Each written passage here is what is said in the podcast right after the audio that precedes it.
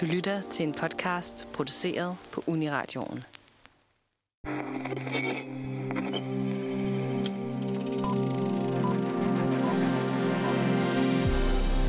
Om lidt slår Harry Styles sig løs i Don't Worry Darling, men han er ikke den eneste musiker, der har taget springet til det store lærred. Jack Black, Cher og Barbara Streisand er nogle af de sangfugle, som har spredt deres vinger og sat kurs mod Hollywood-skiltet. Men hvordan tager man skridtet fra den ene banehalvdel af showbusiness til den anden? Nogle kan jo godt have en tone i livet, men ingen kemi på skærmen. Det snakker vi om i dagens program. Velkommen til Filmmagasinet Nosferatu.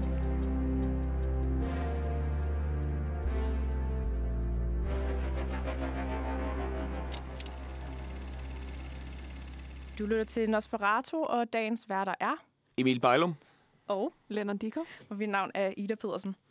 Ja, vi skal jo snakke om øh, musikere, der er blevet til skuespillere, og det er jo ikke et øh, særfænomen i Hollywood. Øh, det er faktisk meget udbredt, og måske musikken og øh, skuespilkunsten også har en tættere knytning, end vi nogle gange går og tænker. Så vi skal derfor kigge lidt på, med hvem, hvem har egentlig taget det spring, og hvornår er det lykkes, og hvornår er det gået skævt, fordi det er jo ikke alle, som nødvendigvis kan begge dele. Øh, det, der spinder de to kunstnere sammen, er jo det her med, at man performer. Altså det gør man jo både som skuespiller og som sanger. Senere i dagens program, der får vi også besøg af vores kollega øh, Benjamin Wang Blokhilde, som har været øh, inde og se Don't Worry Darling. Han skal lige give en lille status på, øh, hvad det er for en film, og om Harry Styles, vores allesammens moderne smørtenor, om han har gjort det godt i den nye film. Men det vender vi tilbage til senere i programmet. Først vil jeg høre jer. Øhm, har I en yndlingsmusiker, musiker, som er blevet skuespiller? Hvad med dig, Emil? Øh, ja, Ida, jeg vil sige det på den her måde. Jeg har min indre musiker, har jo lyst til at sige David Bowie, han har blandt andet været med i Labyrinth og det hele. Men jeg vil faktisk så indrømme, at øh, jeg har aldrig helt set så mange af de film, han er med i. Så jeg tror faktisk, hvis jeg skal nævne den musiker, som så senere er blevet skuespiller og ligesom blevet kendt for begge dele, øh, der vil jeg så faktisk nævne Will Smith. Mest af alt fordi, at jeg ved, at mange af hans, øh, nogle af hans gamle hits, uh, Summertime, som da han var Fresh Prince, og også uh, Getting Cheeky With It uh, senere, da han bare var solo, Will Smith og Miami, det er jo altså nogle bangers, man stadigvæk kan høre på, og som jeg stadigvæk godt kan lide at høre, og jeg synes, han har været uh, virkelig god i mange film. Oplagt. Jeg tror, jeg, er meget enig. Hvad med dig, Lennon? Har du en øh, favoritmusiker? Øhm, Du sagde, det var svært at vælge. altså, min yndlingsmusiker er jo Taylor Swift, men jeg synes ikke, hun er en særlig god skuespiller. øhm, så det måske være lidt, lidt dumt at sige. Jeg var ved at sige Charles Gambino, a.k.a. Donald Glover. Han er nok mit valg. Øh, jeg elsker hans musik, og jeg elsker hans skuespil. Han er naturligt bare virkelig sjov, og han producerer også og instruerer og skriver musik. Han kan det hele. Så det, hvad med dig, Ida? Jamen, jeg synes også, det er et rigtig godt spørgsmål, og der faktisk også er ret mange øh, at trække på, især fordi at jeg også er stor musical-fan. Så øh, jeg er jo vild med den genre, der kombinerer musik og film. Øh, så derfor er det en svær kunst sådan lige at skulle øh, markere bare en enkelt. Men jeg bliver nødt til at sige Barbara Streisand, som er mit helt store idol. Øh, jeg har en plakat af hende i mit køkken, øh, som jeg kigger Stærkt. på hver morgen, når jeg drikker kaffe. Nej, jeg synes, hun er, øh, jeg synes, hun er skøn og rigtig dygtig og har lavet ikke nok film. Jeg, jeg gad godt at have set hende i øh, endnu mere. Øh, og hun spiller heller koncerter, så jeg er også sådan trist over, at jeg nok aldrig får muligheden for at Det se er hårdt at være. Barbra Streisand-fan. Det er det nemlig. Hun er ikke en af dem der, der laver sådan en One Last Time uh, to turné som mange andre kunstnere. Nej, altså det seneste, hun sådan har markeret sig på, er bare, at hun er enormt anti-Trump, øh, og lavet et helt øh, album, som var sådan noget øh, imod, I ved, muren Trump vil bygge til Mexico og sådan noget. Ikke? Så hun har, hun har været meget politisk i, i hendes senere år, øh, og det er også noget, som faktisk, altså politik spiller en rolle i den film, vi skal snakke om lidt senere, for vi skal netop lidt længere, eller lidt tættere på Barbara Streisand. Vi skal snakke om filmen The Way We Were, hvor hun også spiller en meget politisk, aktivistisk kvinde. Alt det skal vi snakke noget mere om senere.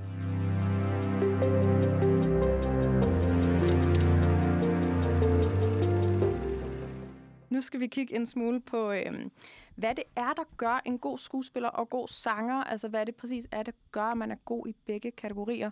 Øh, fordi at det er jo selvfølgelig et stort emne, vi har taget på os i dag, og noget, som også er meget smagsbetonet, vil jeg sige. Øh, det er jo svært nødvendigvis at sige helt øh, objektivt, hvad der gør en god sanger og en god skuespiller. Det er jo faktisk næsten umuligt. Øh, eller det vil jeg mene er et umuligt projekt.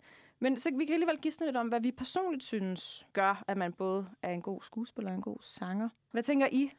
Det er et stort spørgsmål. Ja, det er et stort spørgsmål, fordi hvad er godt skuespil? Øh, jeg vil jo våge at påstå først og fremmest, at det er nemmere at høre dårligt synge, end det er du ved, at se dårligt skuespil, hvis du ikke er så meget erfaren i det felt.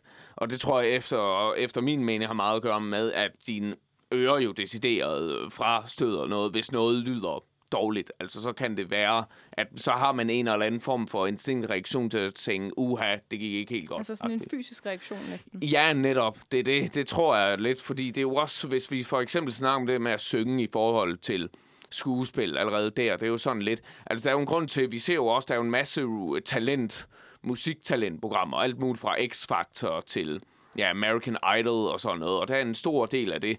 Det er jo selvfølgelig dem, der vinder, men en stor del af det ved programmet er jo desværre også noget med, at det nogle gange udnytter folk, som jo ikke er så gode til at ramme tonerne. Fordi der, der får jo en eller anden underholdning ud af det. Fordi der er også et eller andet, hvor man tænker, uha, det her lød bare ikke godt-agtigt. Og det tror jeg bare sådan, det er jo, der er jo en grund til, at du ser jo ikke talentshows inden for skuespil på samme måde. Fordi at, øh, jeg tror, at de fleste kan se de her øh, musikalske talentshows og tænke, hvornår noget lyder godt, og hvornår noget lyder dårligt. Så jeg tror, det er en af de ting, der er sværest for dem, der både skal spille skuespil og synge. Det er jo lidt at kunne gøre begge ting. For det er ikke, det er ikke særlig nemt. Især med at synge er jo sådan noget, hvor jeg tænker, der er nogen, der bare har det. Der er nogen, der kan ramme tonerne, mm. og andre kan ikke. Jeg synes, det er en god pointe, det der med, at der måske er sådan lidt mere nationalsport i at tro, man kan synge, og så ja. prøve at tage chancen, hvor at der måske er en mere respekt for skuespilfaget, måske lidt mere afstand til mm. øh, den almindelige befolkning. Jeg vil sige, folk forbruger vel musik og film i, i lige omfang, og der ikke er noget, der er finere end andet, men måske der er lidt mere respekt for skuespil, øh, håndværket, eftersom vi ikke ser lige så mange amatører gå ud og være prøve sig med det. Der er også selvfølgelig amatørteater, og øh, hvis man snakker inden for skuespil, er der også mange, der sådan ser ned på revyer, for eksempel. Øh, så inden for skuespil i sig selv er der også forskellige niveauer af respekt og tjene, alt efter hvad man er med i. Øh, Ja. og også, at der er mere respekt i at være øh, måske med en indie-film, end der er at være med i en romcom. Eller en blockbuster, for den sags. Eller en blockbuster. Altså, men... jeg skulle også lige til at sige, at i forhold til, jeg, jeg var sådan, hvis jeg havde et krav, eller hvis man skulle ligesom sige, hvad der gør en god musiker, eller whatever, altså var sådan, hvis du er god til at synge, så er du en god sanger, altså det kan man godt sige. Men jeg tror måske også, jeg, jeg er sådan en person, der rigtig godt kan lide sangskrivning og sangtekster og sådan noget, så det går jeg også op i, men jeg er også, man kan høre, jeg var Taylor Swift-fan tidligere, så det er jo noget, jeg går op i, men jeg lytter også til Sexy Bitch, og det synes jeg jo ikke er nødvendigvis en godt skrevet sang, det er bare en sang, som er god, eller hvad man siger, til at danse til, eller whatever, ikke? Jeg tror, at helt klart, det er nemmere at vurdere, som du sagde, øh, Emil, med, med musik. Jeg tror rigtig meget sådan, hvis man lægger mærke til, at det er skuespil, så er det ikke godt skuespil. Altså, det skulle virke naturligt. Det er jo der er hele ideen med skuespillet. Så det tror jeg er den måde, jeg vil lægge mærke til det. Det er, hvis man kan se, at de spiller skuespil, og sådan gestikulerer på en måde, der ikke er naturlig. Det er rigtig god pointe, og noget jeg også tænker er en udfordring for i hvert fald musikere, som så pludselig skal være skuespillere, det er, hvis de er blevet forkendt for deres musik, mm. så har de større udfordring, når publikum ser deres karakterer på øh, skærmen i biografen, fordi at publikum med det samme vil associere dem med, ikke med som den her karakter, de spiller, men som kunstneren. Men skuespillere, til en, når de ligesom er skuespillere, så tror jeg mere, det er sådan, at man fra starten tænker, ja, okay, det her er en skuespiller i en bestemt rolle. Du er mere med i narrativet. Mm. Altså, jeg kom for eksempel til at tænke på sådan små ting som øh, dengang i Game of Thrones, og det var endda bare en cameo, der dukkede Ed Sheeran op. Okay. Og han har selv sagt, at han var helt målløs over, hvor meget negativ omtale han fik. Han var sådan, han dukkede op et meget kort øjeblik, hvor han sang. Og det er Ed Sheeran-sang, han sang. Altså, det er jo derfor, måske han forbindes med den øh, genre, fordi han sang til, øh, hvad hedder det, Hobbiten-filmene. I See Fire. Det er ah, rigtigt. Okay, ja, Så ja. han Det var jo han allerede lidt inde på det terræn, kan man Ja, sige. det er rigtigt. Jeg synes næsten ikke engang, vi skal bruge ham som eksempel, fordi det var virkelig en ren og skær cameo. Ja. Men det var så noget, hvor folk tog endda med, okay, det her er en fantasy-serie med drager og alt muligt, men, øh, og øh, folk, der bliver ude til døde mennesker og zombier. Men jeg kan simpelthen ikke købe overhovedet, at Sheeran, han er med i Den her rødhårede Altså. brite skal sidde Ja, ja, rundt om, øh, præcis. rundt om øh, bålet. Ja, ja, men det er præcis. så scenen, han sidder bare. Fuldstændig. Og det har, tror jeg netop har noget at gøre med, at øh, på det her tidspunkt havde manden jo også milliarder af streams på Spotify. Altså, alle vidste, hvem han var med det samme. Man, øh, man nåede endda at høre hans sangstemme, inden man ser ham. Og med det samme kan du jo høre det Ed Sheeran, for han er så karakteristisk. Det tror jeg, alle, alle de fleste musikere har fra starten. Fordi man tænker, dig, du er ikke skuespiller. Du er musiker. Hvad laver du her? Hvad, hvad, smut, altså et eller andet, man bliver Bryder så... med universet her. Ja, ja, præcis. Jeg skulle også til at sige, da jeg så Licorice Pizza, øh, som var også nomineret øh, sidste år, hvor jeg så alle Oscar-filmene. Røv dårlig film, by the way. Anyway, øh, der, der, tror jeg, der, der tænkte jeg også bare sådan, om det er jo hende der fra Heim. Hvilket så heller ikke hjælp, fordi i filmen, der hedder hun bare Alana Heim. Ligesom hun hedder Alana Heim i virkeligheden. Hvad er hun ellers kendt fra? Jeg, jeg har ikke lige set den. Hun er fra gruppen Heim. Oh, som en øh, musikergruppe. Ja, og både hun, det, det er en gruppe med hende og hendes to søstre, og alle tre søstre er med i den film, og de hedder bare deres navne i filmen. Så det er sådan, der kunne man rigtig sådan skildre det. sådan, Okay, så det er bare Heim, der er med i en eller anden film. Det er sådan lidt irriterende, Øh, ikke? ja. Det synes hun virkelig dårligt at spille skuespiller. Undskyld, jeg elsker Heim, men hun skal ikke være skuespiller. Og det er jo så sjovt, du nævner lige netop den film, for jeg synes netop, hun virkede god, okay god i den, og jeg kunne godt okay, lide det. Og det er jo er nok... også uenige om alt. Jamen helt, ja, muligvis. Og øh, det er derfor, vi passer godt sammen i det her program. Men jeg tror også, det har noget at gøre med, at jeg faktisk ikke anede, hun lavede musik inden. Og så fandt jeg ud af siden... Ja, okay. ja, ja, og det vilde er, fordi der følte jeg sådan pludselig, at der følte jeg mig af en eller anden grund ældre, end jeg du ved, følte. Fordi jeg var sådan pludselig, Nå, hun laver musik, fair nok. Så tjekkede jeg hendes gruppe, og der er flere millioner views der på Spotify og det. Så jeg tænkte pludselig, hold da fast, det her er en gruppe, jeg overhovedet ikke har kendskab til. Og som åbenbart var sådan, nå, okay, stort. Så det, så der var nok en heldig situation der. Det er jo også spændende, når jeg hører lige nu, at øh, når vi snakker om aktuelle, øh, Dua Lipa, hun skal også spille over for Henry Øh, Cavill. Henry Cavill, ja. ja, præcis. Og jeg tænker da også der, hun er da en af de største terner, vi har i dag. Hvordan får hun Altså, lige... Henry Cavill er jo heller ikke den bedste skuespiller, der findes. Vel? Nej, men det, nej, men ja, det er jeg sådan set enig i. Men det er sådan... Men, øh, For en gang skyld. For en gang skulle vi enige. Ja, jamen præcis, men mere sådan slags... Jeg tror også, hun får det svært med Ja. at lige overbevise folk. Altså, det er, hun har lavet alle de her store numre. Hun er en af verdens største popstjerner lige pt. Jamen, jeg skulle lige at sige, at jeg føler i år også lidt, fordi der er som sagt Harry Styles, som er den begivenhed, vi snakker om. Så er der Dua Lipa, til Taylor Swift skal være med i endnu en. Hun har også været med i nogle film før, men hun skal være med igen i en film. Øh, jeg skulle også lige til øh, tilføje Arena Sawayama. Hun skal også være med i sin første film, John Wick 4. Okay. Øh, og spille over for John Wick, Keanu Reeves. Keanu Øh, Reeves, så jeg synes, yes. der er lidt et, et lidt år, slash næste år, hvor der bare er rigt, er, åbenbart er et par stykker af musikere, der, der, gør, der kaster sig ud i det. Jeg ved ikke lige, hvorfor, Ja, hvorfor det er. det er jo derfor, vi også er meget Ja. aktuelle, som altid. Mm. Som altid på Nosferatu. Ja, ja, præcis.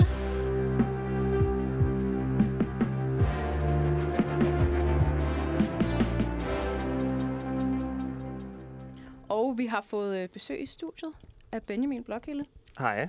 Vores øh, medanmelder her på Nosferatu. Og Benjamin, du har jo været inde og se øh, Don't Worry Darling. Det har jeg i meget, hvert fald. Øh, den meget omtalte film. Ja.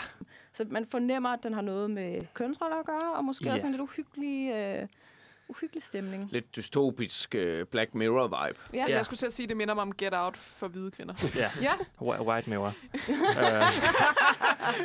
det er egentlig meget Black Mirror-agtigt. Det er sådan en, sådan en film, som, uh, som tror, at den er meget klogere, end den egentlig er. Yes, det har man ikke hørt om før.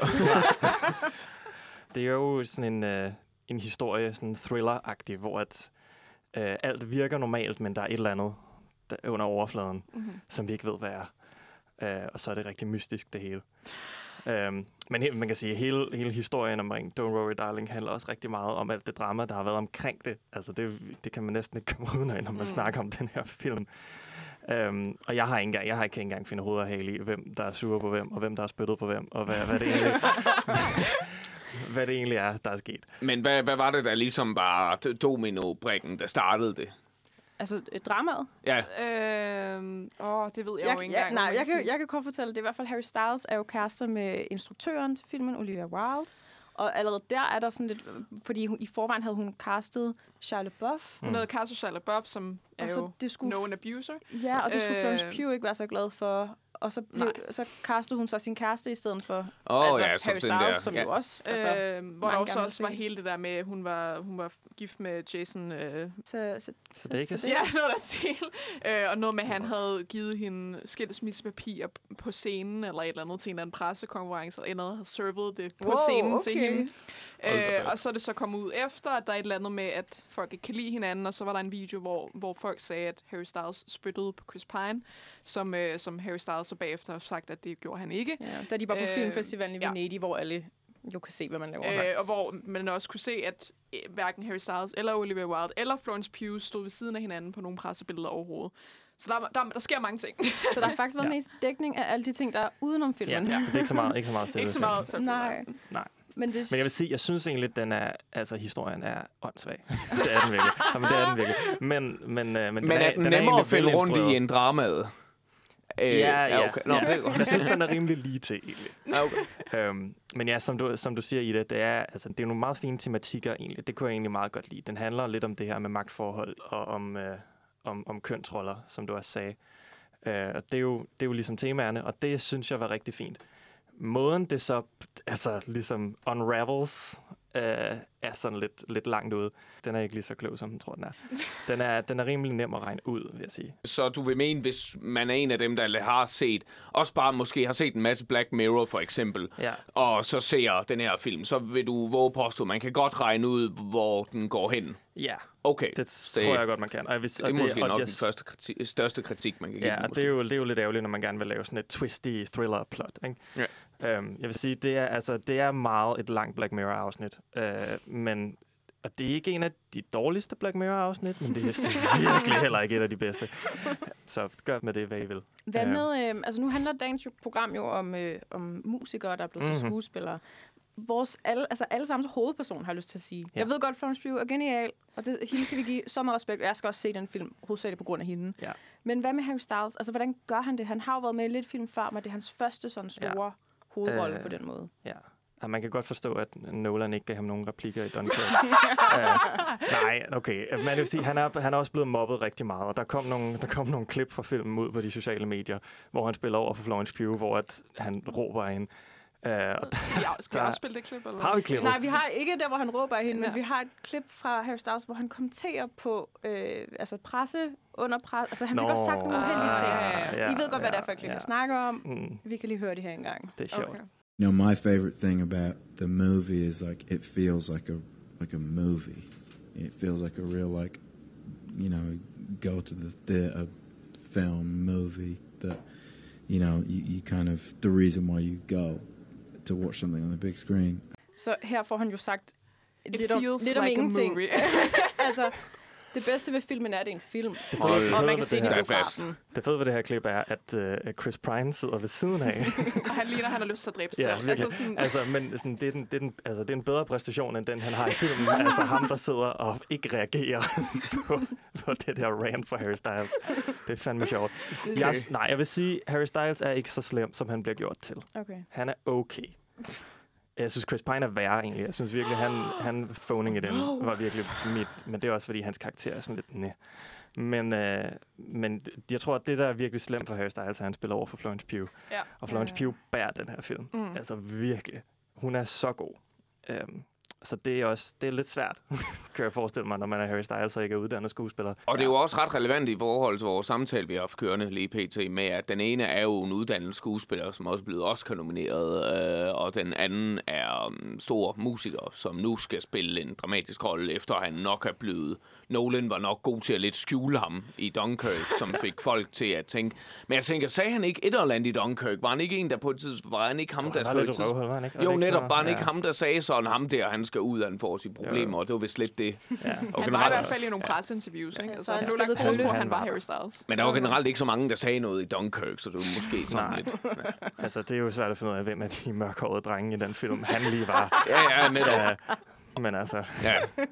Men det er jo nok også, øh, men det er en relevant ting, kan man sige, for i vores snak, for det er jo også noget, vi vil komme ind på senere med, hvordan film i hvert fald. Altså, der er jo også en grund til, at musikere, de vælger, hvis de så siger, at om jeg skal være skuespiller, så hopper de typisk over til film. De tænker ikke lige, at jeg prøver lige Broadway mm. i starten, eller noget Nej. andet teater. Og det er nok blandt andet, fordi en film muligvis kan lige hjælpe dem godt på vej, og klippe dem og instruere dem, øh, for, til at få dem til at se bedre ud. Og der er mere prestige i det, ikke? Altså, Ja. der er mere Ja. omtale. Ja, ja, præcis. Flere Og mere, flere penge, Ja, ja, netop. flere så penge, ja. der er rigtig meget der at vinde. Men øh, nu får Harry Styles jo i den her aktuelle film, Don't Worry Darling, øh, der er ikke så meget, der skjuler ham for, at ja, han virkelig skal præstere. Nej, det er, en, det er en rolle, hvor han skal, altså, han skal spille skuespil. Altså, ja. han har nogle store scener, hvor han skal levere. Og det kan være lidt tvivlsomt. Han gør det okay. Jeg vil sige, stadig, det, det er fint nok. Altså, det kunne være meget værre. Men den, altså, den, er, den er svær at begive sig ud i, hvis man ikke rigtig ved, hvad man laver. Den igen matcher det også meget vores snak fra lidt tidligere, hvor vi også fik snakket om øh, øh, talentshows, hvor Harry Styles jo også er kommet ud af X-Factor. Mm. Altså, så han har jo også en start fra de glade amatører, eller hvad man skal sige, dem på tv-skærmen, der tror, de kan synge, og så kunne han jo så også synge, og har lavet en kæmpe karriere efterfølgende, og jeg kan virkelig godt lide hans musik, altså i hvert fald noget af det, det han Jeg har lavet sådan One Direction. solo, og Lennon er rigtig stor øh, One Direction-fan, så, vi, så, så han kan jo helt sikkert noget, og vi har heller ikke klippet med for sådan at, at sige, at han, altså der, hvor han bare lyder sådan lidt ikke så øh. Ekstremt uinteresseret. ja, også det. Ja. Øhm, og ikke rigtig ved, hvad det er, han egentlig har været med i. Ja. Ja. Øhm, så, har, altså, så, så har han jo stadig noget at have det i, i form af sin karriere, men det er selvfølgelig, Og han er også flot, ikke? han er flot. Ja, det- er Jeg vil sige, der, er, en- der vil lige highlight noget i filmen. Det er ikke en spoiler, synes jeg. Ja. Hvor, men der er en scene, hvor de prøver at gøre ham grim. Hvilket er det sjoveste i verden. Oh, wow. Fordi de giver ham sådan lidt patchy skæg, og sådan Mhm. mm-hmm. lidt nogle sådan vorter, og sådan, det ser virkelig Er åndssvagt han ud. stadig lækker der så? Det ser, han, ser, han ser fin ud. Altså, det er ikke sådan, altså, det, Så er han bare lidt mild han er bare, han er, ja, jeg tror også bare, det er det der er mening. Det, de skulle få ham til at ligne sådan en incel type. Jeg tror, Ah. det var det, de ville have. Åh, oh, ja, held og lykke med det. Han Men det har er- sgu lidt nogle for gode gener, tror ja, jeg. til det tror jeg. det. også. Det Hvad med, øh, jeg synes også, der har været omtalt en del, altså sexscenerne mellem ham og Florence Pugh. Ja, det er virkelig tamt. Sorry. Så, jamen, det har fået så meget omtale. Jeg tror, det er fordi, at, man i, altså, at, at filmselskabet Warner, eller hvem det nu er, har tænkt, vi skal have opmærksomheden væk fra det der drama Ja, der, og så hvad, hvad kan vi få samtalen til at handle om? Sex. Altså, det skal Selvfølgelig. Nok, altså, det skal nok tage få folks opmærksomhed, ikke? Men det er så tamt. Okay, Altså, Mhm. mm-hmm. Der der, er er ikke to, nogen der er to passion, scener, eller? der er ikke noget hud, der er ingenting. Det, Nej, okay. det, det er dårligt. okay. Øhm, er Ikke det ikke nogen hud, og det er sexscener. Ja, Okay. Der er ikke det var... Bare fuld- Ja, det er sådan noget under kjolen. Ja, det, det okay, er sådan ja. noget. Det blev for intimt, så man skulle til at fortolke, om det egentlig var en... Øh, Okay, så du mener, at de var lidt for forsigtige. Skukket lidt mærke knald på, skulle jeg så sige. Ej. jamen, hvis de, jamen, hvis de virkelig vil have reddet markedsføringen og været sådan. Virkelig væk fra til- det der drama der. Lavet til halv porno, så... Ja, ja, tilbage til startnullerne, det der, hvor der ikke var nogen form for etik overhovedet. Er det en film, man skal se? Du lyder, du er jo, lyder, skeptisk. Uh, Øh, Ja. Øh, skal man se den for dramaet? Det om, altså ja, dramaet omkring filmen. Det, man synes, man skal det se den for Harry? Styles. Nej, man Okay. skal se den for Florence Pugh. Okay. Ja. Man skal se den på grund af, at hun er pissegod. Mm. Kunne det her være sådan en oplagt film, man ser om nogle måneder på streaming? Det, ja, det tror jeg, det, altså, det, tror jeg, du har det. Det, det er Ja. ikke en øh, film, man go to the movies, synes jeg. Som Harry Styles ellers håbede på. Ja, ja. når det føles så meget som en på film. Heller ikke hans musik og sådan noget. Bare ikke Nej, bare generelt. Det var måske det, vi nåede at snakke om Ja. øh, Don't Worry Darling. Tak for, at du var med, Benjamin. Jamen selv tak.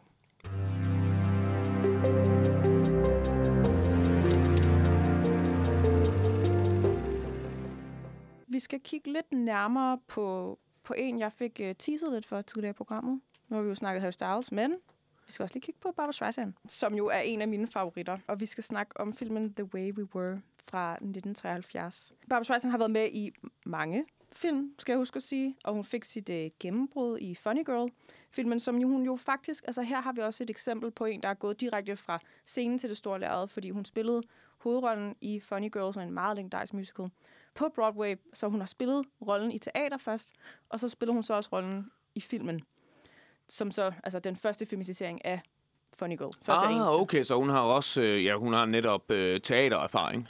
100 procent. Så hun er startet på Broadway, og så er gået over i filmens verden. fedt. Øh, så hun er, og hun er startet med musik, altså hun startede i kor, og så bevæget sig ind i blandingsfeltet, hvad kan man sige, mellem musik og skuespil. Øh, så hendes første film var Funny Girl, øh, og ellers så har hun altså været med i mange forskellige. Hun var også med, altså Funny Girl fra 68, så hun med i den film, der hedder Hello Dolly, som også er en filmatisering af en musical. Fra øh, 69, så er hun med i A Stars Born, eller som vi skal vende på et tidspunkt også. En film, som også handler om øh, musikkarriere og, og skuespilkarriere. Men hvis vi går tilbage til The Way We Were fra 1973, den er spændende at snakke om, fordi at her synger Barbara Streisand også kendingsmelodien til The Way We Were, som hedder filmens titel. Ut- utrolig smuk nummer, øhm, som, som ligger hele stemningen for filmen. Øhm, og jeg har et klip med øh, fra filmen, som vi kan høre. Jeg kan sige kort og godt handler det om, at Barbara Streisand spiller den kvindelige hovedrolle. Hun hedder Katie, og hun spiller over for Robert Redford i rollen som øh, den mand, der hedder Hubble. Det er et stort navn at spille overfor, ikke? Robert Redford. Meget. Øhm, filmen er instrueret af øh, Sidney Pollack. lige præcis, ja, Ja, Sidney præcis. Pollack, som har brugt Robert Redford rigtig, rigtig mange gange. Han er lidt en yndling for ham. Men klippet her, det er øh, Barbara Streisand i rollen som Katie, som øh, møder Hubble for første gang. Så det er en, en romance, og de møder hinanden. Barbara Streisand, hun arbejder på et øh, kafeterie, eller en diner er det, hvor at, øh, den unge og smukke Robert Redford kommer med sine venner, og de er sådan lidt tavlige over for hende. Øh, så hun, øh, da hun kommer ned og tager deres bestilling, bliver fornærmet og går tilbage op til disken. Robert Red- Redford følger efter hende, og så siger han følgende. You're all decadent and disgusting. Come on. We weren't making fun of you. Yes, you were. You make fun of everything. You think politics is a joke. Well, you, but you make fun of politicians. What else can you do with them? You think Franco is so funny? Franco, is he here? Yeah, Franco. He's a politician. You think he's funny? Well, so is Hitler. He even has a funny mustache. Why don't you have a Nazi prom? Well, we thought of that. But the uniforms itch. Ja, så hun, øh, hun synes, han er, de var tavlige, ikke? De lavede sjov. Hun siger, man kan ikke lave sjov med, hvorfor, hvad er det sjov i politik? Og så snakker de om Hitler, og Det der med manglende alvor, altså skal, kan så alt bare gøres til en joke. Mm. ja, ja. Øh, og så siger han jo så, at når kostymet var lidt krøllet. Ja. så, så det var derfor, jeg ikke var Hitler-kostyme, hvilket jo er ret grænseoverskridende, Klassisk Øhm. charmerende Redford. udstråling. som vi kender ham. Nej, den filmen her foregår efter 2. verdenskrig, øhm, og det, hun, øh, vi har også filmen Start, hvor vi ser, øh, hvad hedder det, Barbara Streisand, hendes karakter, hun står og råber flyer, eller hun deler flyers ud og råber, stop Franco, altså den spanske di- diktator, som sad, sad på det tidspunkt. Øh, og vi ser hende sidde ved en skrivemaskine, og vi forstår, at hun på en, mange måder repræsenterer alvor, og det her store samfundssind, blikket udad til øh, øh lysten og øh, også øh, pligtfølelsen til at gøre verden til et bedre sted. Så klipper vi imellem, og det her, mens øh, sangen The Way We Were spiller, som er meget sådan melankolsk og eftertænksom melodi, meget, meget smuk. Så vi ser deres, øh, de går på kollegie sammen, så vi ser deres campus, øh, mens musikken spiller. Og så samtidig med, der klippes imellem hende, der laver meget alvorlige ting, så klipper vi til Robert Redford, som spiller amerikansk fodbold. Han er ude og sejle i båd, altså og ro, og jogger rundt på campus. Så vi får meget tydeligt øh, markeret her, at hun er den mere øh, intellektuelle, mere tænkende type, og han er sportsmanden, ikke? Flotte sportsmand, som også øh, senere bliver militærmand. Så der er nogle modsætninger her. Så filmen handler i bund og grund om det her meget sådan, diametralt modsatte par, som møder hinanden og som skal overkomme, altså skabe venskab og bygger på, at de er meget sådan, ja, fysisk tiltrukket til hinanden. Og de vokser så fra først at have lidt det her hadende, lidt øh, distanceret forhold til hinanden, til venskab, til kærlighed. Og filmen hedder jo The Way We Were, afslører måske en smule, at de ikke ender sammen, men at vi ser en lang periode i deres liv, hvor de tapper lidt ind og ud af hinandens liv. Så de har en, en lang kærlighedsaffære, øhm, men det bliver altså ikke dem i sidste ende. Det kan jeg godt sige, uden at afsløre for meget af filmen. Det ligger jo i titlen, ikke? Og i den er meget melankolske, lidt triste, men også meget smukke indgangsvinkel. Præcis. Og det her, den er på dansk og den vores bedste år. Mm. Og det er jo så nok også relevant at nævne her, at det er jo Sidney Pollack, han har jo også lavet filmen Mit Afrika, som øh, jeg tror, de fleste lytteres øh, mødre øh, kender og sådan noget. Som, og jeg tror faktisk også på samme måde, vores bedste år. Jeg er også ret sikker på, hvis jeg lige nævnte den, så vil min mor i hvert fald også være sådan, åh, det er den med Barbara Streisand og Robert Redford, det er alt, alt sådan nogle type der, men det er jo også nogle, øh, det er jo lige netop sådan en kærlighedshistorie, men også mere sådan nede på jorden. Det blev ikke sådan helt det der øh, som vi kender for meget nu fra nullernes romcom og sådan noget. Det var nok netop det. Der var noget autentisk ved dem. Og der kan man så stille et spørgsmål, der er jo interessant. Det er jo, Barbara Streisand er jo med her, og hvordan hun, fordi der er jo også noget med, hun har jo faktisk også en sang i den her film, har hun ikke? Altså, øh, om hun optræder med en sang? Men Det gør hun ikke vel, men det er jo, nej, det- det men der er jo den, gør. fordi jeg tjekkede lige op med, den vandt jo faktisk en Oscar for bedste originale sang. Og det er The Way We Were ja. ja, og det er jo til rulleteksterne ikke også. Nå, den er i introen. Øh, Den er i introen, Ja. ja. ja, super. Så det er sådan en gennem, et gennemgående tema, en sådan titelmelodi, øhm, som bare er enormt smuk. Så man kan også nyde den, uden at skulle se filmen. Øhm, Men det er ellers den eneste gang, hvor vi hører en som øh, musikeren Ja. i den her film. det her det er en film, der adskiller sig fra altså både Funny Girl og øh, øh, hvad hedder det, Hello Dolly, de film, jeg nævnte i starten, hvor hun jo mm, hvor det er en filmatisering af en musical. Her, det her er ikke en musicalfilm, det er et drama, der følger det her par. Øh, Han er sådan lidt mere ubekymret, og hun er sådan lidt mere alvorlig i det, ikke? Så det er et, øh, et, et billede af deres forhold, øh, og musikken er bare stemningsfuld, men det er ikke noget, der spiller en rolle i fortællingen. Barbara Streisand er bare den her enormt politisk engageret, en kvinde med ben i næsen, som adskiller sig fra ham. Så det er sådan den, den klassiske, sådan, den lækre dreng på skolen falder for den, den kloge, men også lidt upopulære pige. Mm. Det er sådan det, der er... Jeg skulle lige til at drage en sammenligning med, at med sangen, at det er jo det samme som 9 to 5, hvor Dolly jo, Dolly Parton har jo 9 to 5, som alle nok kender mm. øh, sangen, og der er også en film, der hedder 9 to 5, hvor hun spiller den i introen, men det ikke er, hun ikke performer i den, eller spiller sig selv på en eller anden måde. Hun, hendes karakter ender som at blive country-sanger i filmen. Så det, det er jo ret meget ligesom hende, ikke? Jeg synes meget, det du beskriver, det lyder også lidt som sådan, jeg ser de film, som Julia Roberts og Richard Gere er med i. Jeg synes også, det er meget sådan lidt ældre mand og en lidt yngre kvinde, og de har, har de også det der enemies to lovers, som Ja. jeg kalder det. Ja. Øhm, og Det det er sådan en klassisk trope. meget klassisk, ja. At, øh, at de to folk, der man ikke tror passer sammen overhovedet, at de så ender med at passe sammen. Eller ikke passer sammen alligevel i si- sidste ende. Ja, det er jo det, der er så smukt ved den her, at de ligesom øh, virker som det her både lidt perfekte, men også uperfekte par, at sådan selvfølgelig modsætninger mødes, så det skal blive stort, og kærligheden skal være stor og vare længe, Mm. men alligevel når den jo at, at bryde.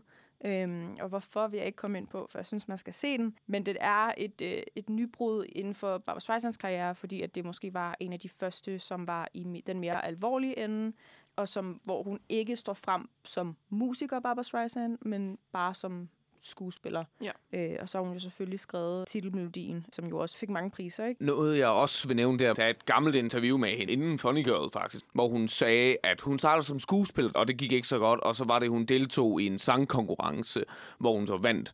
Og hvor hun så bagefter faktisk udtalte, at jeg synes ikke engang, jeg er så god til at synge. Jeg kan bare rigtig godt lide med at act out my singing.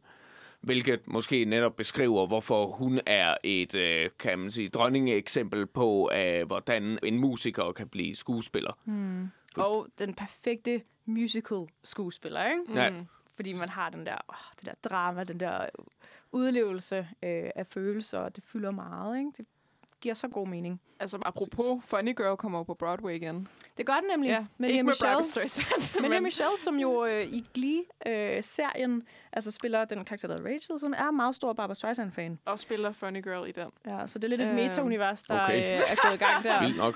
Øhm, ja.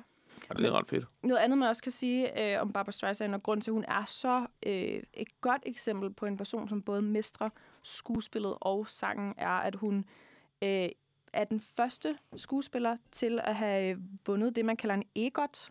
Ah, ja. Det vil altså sige, at hun er den første til at have vundet både en Emmy, en Grammy, en Oscar og en Tony Award. Mm. Altså de der fire oh, helt ja. store priser. Altså en Emmy, som er for serier, øh, Grammy, som er for musik, Oscar for film, og Tony for teater. Mm. Så hun er bare fuldstændig multitalent. Genial. Hun er også, øh, sådan som jeg har forstået det, den eneste, der har vundet en Oscar for både sit skuespil og sin øh, sangskriveri. Altså også den kombi at være sangskriver og skuespiller, ikke? Helt vildt dygtig. Også den første kvinde til at vinde for øh, bedste instruktør for den film, der hedder Jentel, hvor hun også synger. Stor musical-drama. Meget, Mm. meget alvorligt. Og det, det var den, der gjorde hende til den første kvinde til at vinde en Golden Globe for bedste instruktør. Okay. Hun har et stort resume, kan man også sige. Kæmpe resume, kæmpe øh, gennemslagskraft i branchen. Hun er bare en, et kæmpe ikon. Altså, Hun er meget mere end, øh, hvad nogen øh, måske tror er starten på et øh, kendt øh, dansenummer i starten af 10'erne, kan man sige. Barbara Streisand. Det nummer, som skulle være en hyldest til hende, men som bare har... Altså, ej, det er, næsten, det er så tavle, hvis nogen kun kender hende for det nummer. Ja. Hun har ikke noget med nummeret at gøre. Men det er jo, altså... Jeg, Men det er en hyldest jeg var hende. lige ved at sige det sådan, fordi jeg også jeg kan huske et eller andet, hvad hende, hende der uh, Michelle Pfeiffer. Hun Ja. blev også interviewet, fordi at Bruno Mars brugte hendes navn i en sang, den der Uptown Funk der. Så der er sådan, jeg, jeg tror, der er mange, jeg, jeg synes bare, det er sjovt nogle gange, så er det sådan, så kender folk dem kun fordi deres navn bliver nævnt i en eller anden sang, eller et eller andet, ikke? Eller en eller anden, der ligner Katy Perry, eller whatever, ikke? Mm. Og så er det kun ligesom det, folk ved, hvis de ikke ved noget af det andet. Og det er igen også et Ja. crossover mellem musik og film. Ikke? Ja. Øh, men vi kan i hvert fald sige, at øh, Barbara Streisand var en, eller er en af de helt store. Øh, og vi kommer til at vende lidt tilbage til hende, for vi skal også snakke en smule om A Star is Born, men det er først lidt senere i programmet.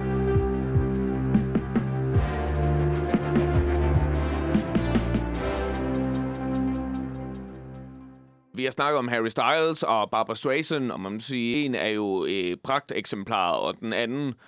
Jeg ved ikke, om han kan nå at blive et pragteksemplar, men øh, det må Han tid. er ung. Giv Ja. ham tid.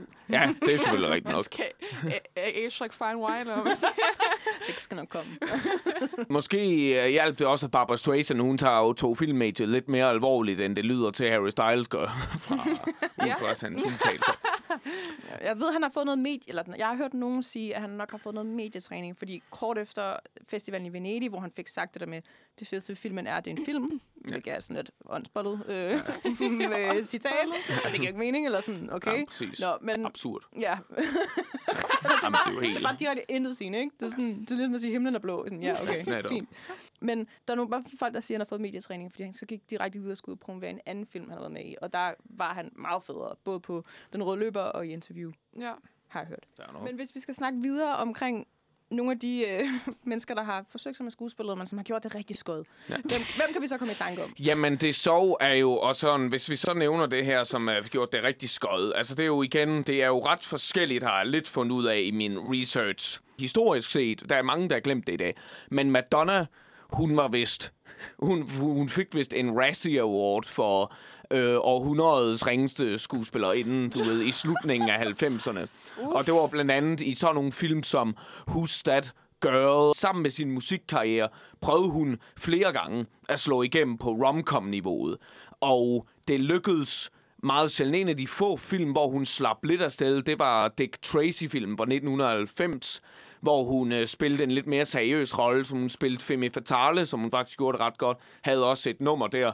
Det hjalp nok også lidt på hendes styrker. Men øh, det hun nok var dengang, som folk synes var ret irriterende, det har man så set, det så man lidt i løbet af nullerne med Britney Spears i Crossroads. Man har også set det lidt. Mariah Carey i Glitter, det er også et meget kendt eksempel. Problemet er jo ofte, at de bliver castet i en romcom-rolle. Så Britney Spears, når man især i dag med alt dokumentar om hende, set, hvor brutal hendes opvækst egentlig har været. At hun var jo født inde i det her brutale musikbranchedrama. Hun har jo nærmest aldrig helt haft en chance for at være en normal pige. Og så er der en øh, romcom, hvor hun skal spille det. Så tænker man sådan, jamen det er jo desværre ikke helt dig. Jeg kan hurtigt forestille mig, når man ser det her, så tænker man, åh, det her er ikke godt.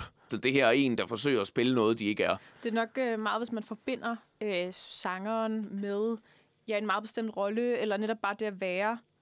Men du jo Madonna. Jeg synes, at Madonna gjorde det faktisk rigtig godt i Evita, øh, hvor hun Åh, spiller Eva ja. Perón, som er, øh, var, hvad hedder det, øh, kone til, øh, hvad hedder det, premierministeren i øh, Argentina.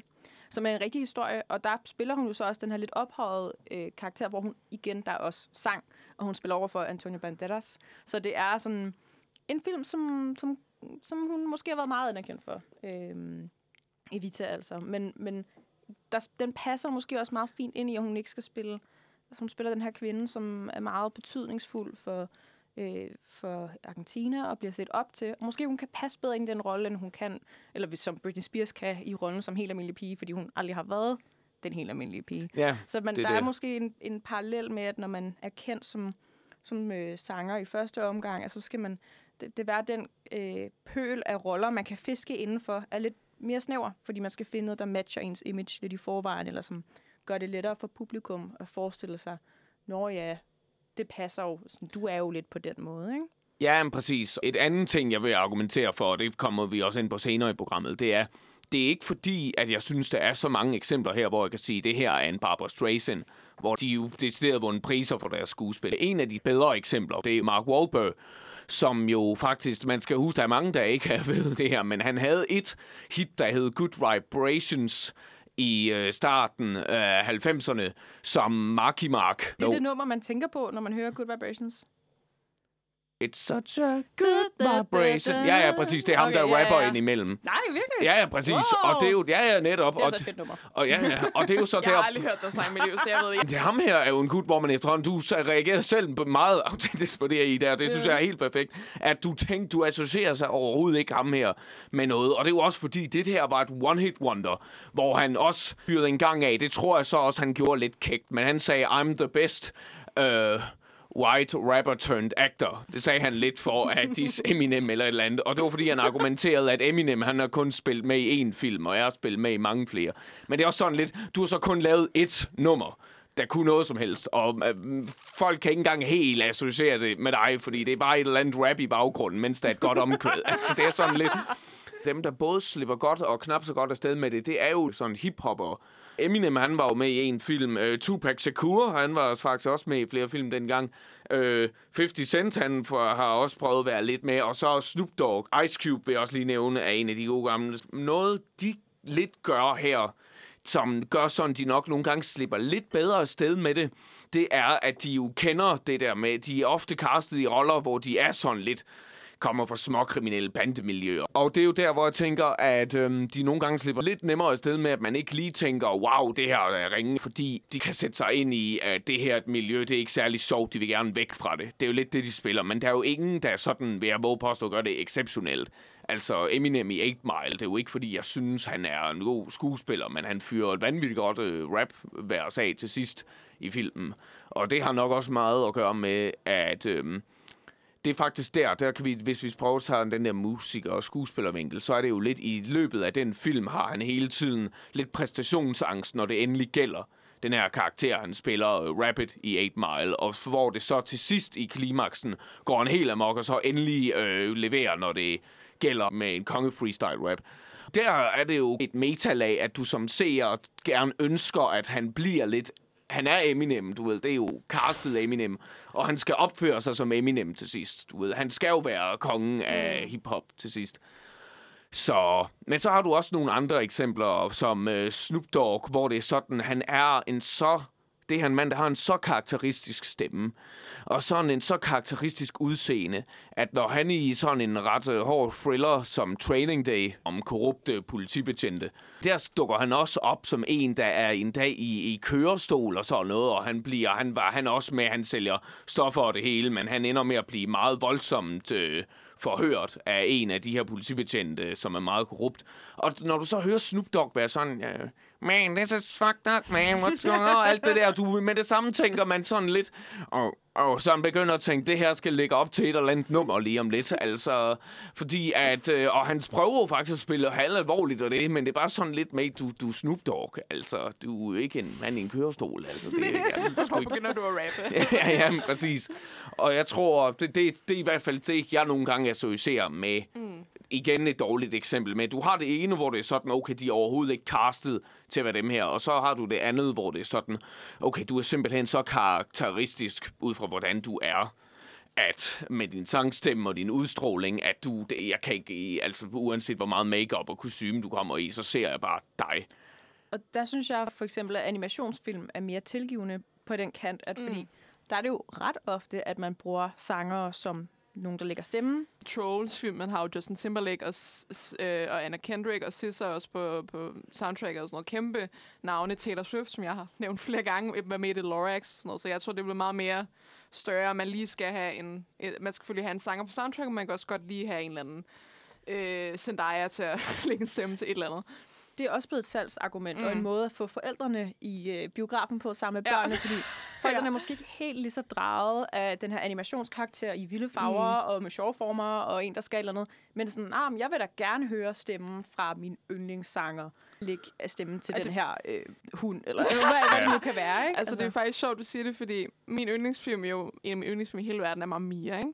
Og i toeren, der er Cher jo med. Jeg elsker Shia. hun er ikke en dårlig skuespiller på nogen som helst måde. Øh, jeg tror bare, at det er meget det der, at, sådan, at det er virkelig et, et, et salgsknæb nogle gange, at få de her store sanger, fordi mam, især Mamma Mia her, skal jeg lige til at nævne, det er min yndlingsfilm i hele verden, men den er fyldt med tre mænd som fædre, som ikke har en tone i livet. Altså, Conor Firth kan synge måske lidt. Pierce Brosnan er helt forfærdelig. Stellan Skarsgård, han synger en linje, og så er han færdig. Ikke?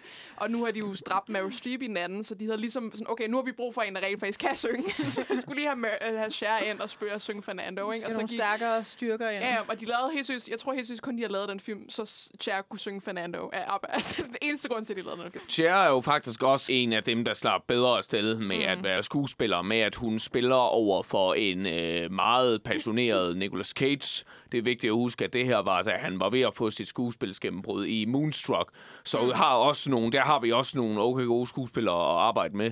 Og så, øhm, og så vandt hun jo en Oscar der, men det er så også vigtigt faktisk for bedste hoved, øh, kvindelige hovedrolle, så kæmpe stor sejr for hende. Øh, men der vil jeg jo så også våge påstå, man har jo ikke hørt så meget fra hende siden. Og det er jo også et eksempel, jeg vil nævne, både med de her skuespillere, altså sku på skuespilsfronten. Hun var med i Altså- Burlesque-filmen sammen med Christina Hun er med i en af, en af mine andre yndlingsfilm, øh, fandt den hedder uh, Witches of Eastwick, med Susan Sarandon og Michelle Pfeiffer. Hvad er det, I- hun spiller der? hun spiller en af heksene. Og det er over for Jack Nicholson som en ond, øh, som djævlen, basically. Mm. Den er virkelig fed film. What? Med de tre, altså de tre lækreste kvinder, jeg nogensinde har set. Så Jack Jack Nicholson. Som den mest forfærdelige mand nogensinde. Den er What, faktisk- man? Den skal jeg da, den skal jeg da se. Ja, den er det meget skal du se. anbefalesværdig, og den er virkelig meget efterårsfilm. Ja. Ja, okay, jamen okay, super. Det er Jamen, så lige trækker jeg, Halloween, så skal du se Ja. det. super, så trækker jeg min år tilbage, men Der det er er nok MILF øh, Extraordinaire. Perfekt. fedt. Den Men- er fra 87, og så har vi Burlesque fra 2010, hvor hun spiller sammen med Christina Aguilera, altså to sanger inder, som spiller omkring, øh, eller det filmen handler om øh, ja, et sted, som Cher styrer, som den her lidt kromotor, kan man kalde hende, hvor hun har et burlesque show, som de optræder med. Men, Men hun er også med i Mermaids med Winona Ryder. okay, og hvornår Ja. er den fra? Øh, jeg mener, det er et eller andet 90'er, slut 90'er eller andet se. Med Winona Ryder, som også er ikonisk. Ja, fra 90'erne. Øh, Danske titel, Skønne Sild. Skønne sild. Sådan. Når vi også snakker om dansk Det vinkel, også. det kommer jeg til at tænke på, det nævne Trolls, og grunden til at tage ind af Christoffer lave stemmer, og vores helt Ah, egen Christoffer lave stemmer hvor- til en af karaktererne. Dan- Danmarks og havde svar på sang. Justin Timberlake. Ja, det er sgu lige før uge.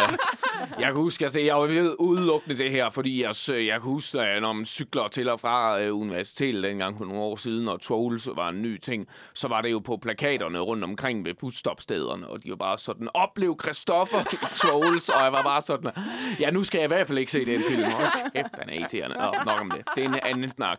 Men, øh, men, men faktisk med animationsfilm Dwayne Johnson fik jo et kendt nummer, hvor han pludselig sagde, kunne synge... Moana.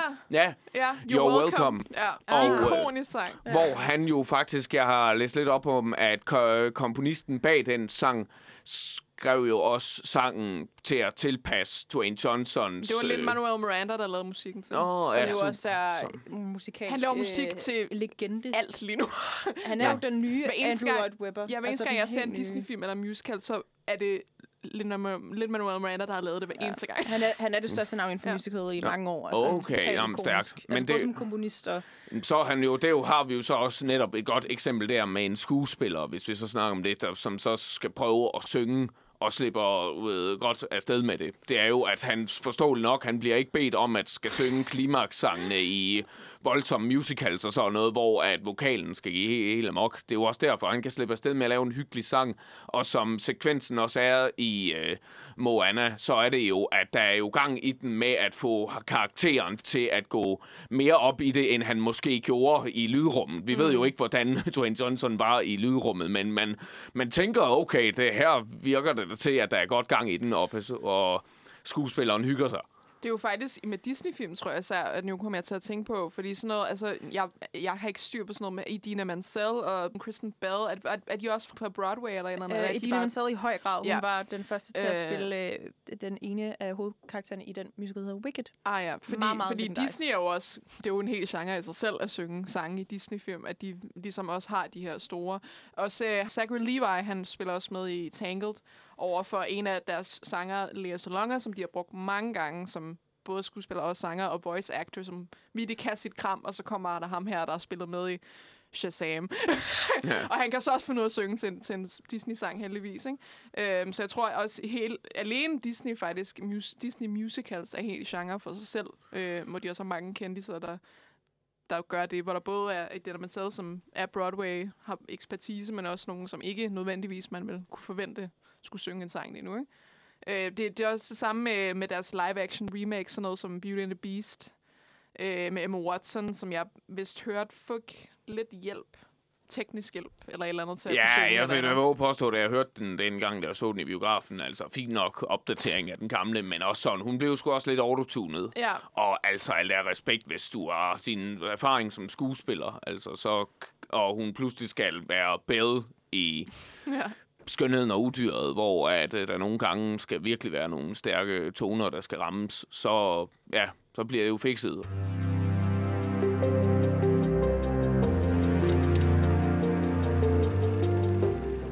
Nu vil vi snakke om, hvordan det kan fungere omvendt. At der simpelthen er nogle skuespillere, der begynder at tænke, på så også, at de ikke har haft særlig mange sangtimer mm, i livet. Ikke er Det- trænet. Ja, de ikke er trænet, så tænker de, ja, musik, det prøver jeg af. Og der er faktisk flere, end man lige tror. Bare for, det er nok den mest oplagte først og fremmest, det er Jared Leto med 30 Seconds to Mars, Ja. som faktisk er et alt rockband, der har nået at få sit eget publikum. Man går ikke hen for at høre Jared Leto, man går hen for at høre 30 Seconds to Mars. Jeg tager mig selv som eksempel. Jeg vidste ikke, at han havde noget med det band at gøre, før du nævner det nu her. Så man kan kende Jared Leto alene og bandet 30 Seconds to Mars alene. Præcis. Isoleret fra hinanden, ikke? Øh, et mere aktuelt eksempel er jo Ol- Olivia Rodrigo, som Ja. er virkelig godt i gang med at blive hvor en af vores sids, øh, en af 20'ernes... Øh, Hun er navne, virkelig popprinsesse in the making, vil jeg mene. Men det er også, fordi hun er sådan, hvis I kælde det ikke, ved jeg, man kan kalde hende, en, en, darling til Taylor Swift, så hun har også ligesom givet hende lidt erfaring med og sådan noget. Hun startede jo på, øh, hvad hedder det, Disney-serien, som er den meget catchy titel, High School Musical, The Musical, The Series. Sådan. ja. Ja. Masser there. øhm, som er sådan en meta-serie, hvor nogle... Jeg mener, det er nogle elever på den high school, hvor High School Musical på filmet skal lave High School Musical som teater. Og Som det er derfor, den teatermusical. hedder High School Musical, The Musical, The Series. Sådan. Fordi det er en tv-serie på Disney. Ja. Høj. Øhm, Ah, og det, det er okay. ligesom der, hun mange kender hende fra, vil jeg mene. Øhm, jeg har ikke set serien, jeg kender hende på grund af Taylor Swift.